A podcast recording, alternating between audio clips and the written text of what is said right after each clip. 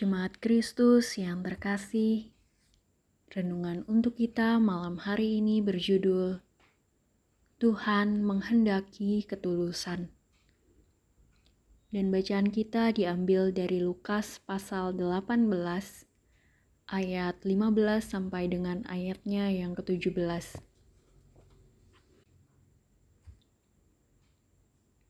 Beginilah firman Tuhan. Maka datanglah orang-orang membawa anak-anaknya yang kecil kepada Yesus, supaya ia menjamah mereka.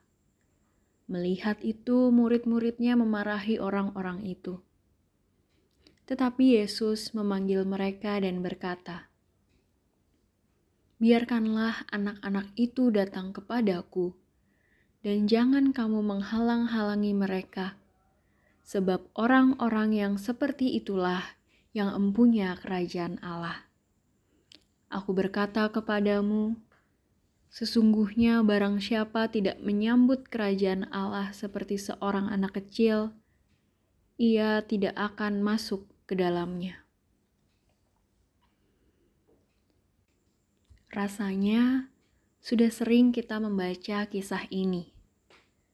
Sebuah kisah yang indah dan memiliki makna yang sangat dalam ketika Tuhan memperhatikan anak-anak yang bagi tradisi Israel dianggap belum penting karena belum dewasa dan belum mampu hidup mandiri.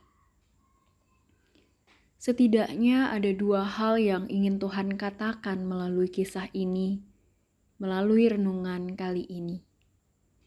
Yang pertama adalah Tuhan ingin orang tidak hanya berpaku dan terpenjara dalam tradisi, sehingga membuat mereka tidak dapat melakukan apa yang benar di hadapan Allah. Kristus ingin semua orang menjadi pribadi yang merdeka, mampu melakukan apa yang benar tanpa lagi terkungkung dengan aturan-aturan duniawi yang membebani mereka. Yang kedua, Kristus ingin setiap orang memiliki pemikiran yang jernih, tulus, dan apa adanya, seperti anak-anak. Anak kecil adalah contoh nyata manusia yang berhati tulus. Tidak ada kepalsuan dalam diri mereka.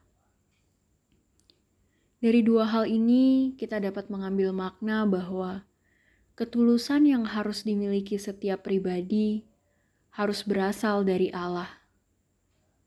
Ketulusan itu juga harus terwujud nyata dalam kehidupan sesehari, tanpa lagi harus terkungkung dengan aturan-aturan yang tidak layak untuk dijalani. Bila Kristus sudah memberi teladan tersebut, maka sudah sepatutnya kita melakukannya dalam kehidupan hari lepas hari. Mintalah pertolongan Roh Kudus agar dalam segala kelemahan yang kita miliki, kita dimampukan untuk melakukan apa yang benar dan tulus di hadapan Allah dan sesama. Selamat menyatakan kasih Allah setiap hari. Demikianlah renungan malam ini. Semoga damai sejahtera dari Tuhan Yesus Kristus tetap memenuhi hati dan pikiran kita. Amin.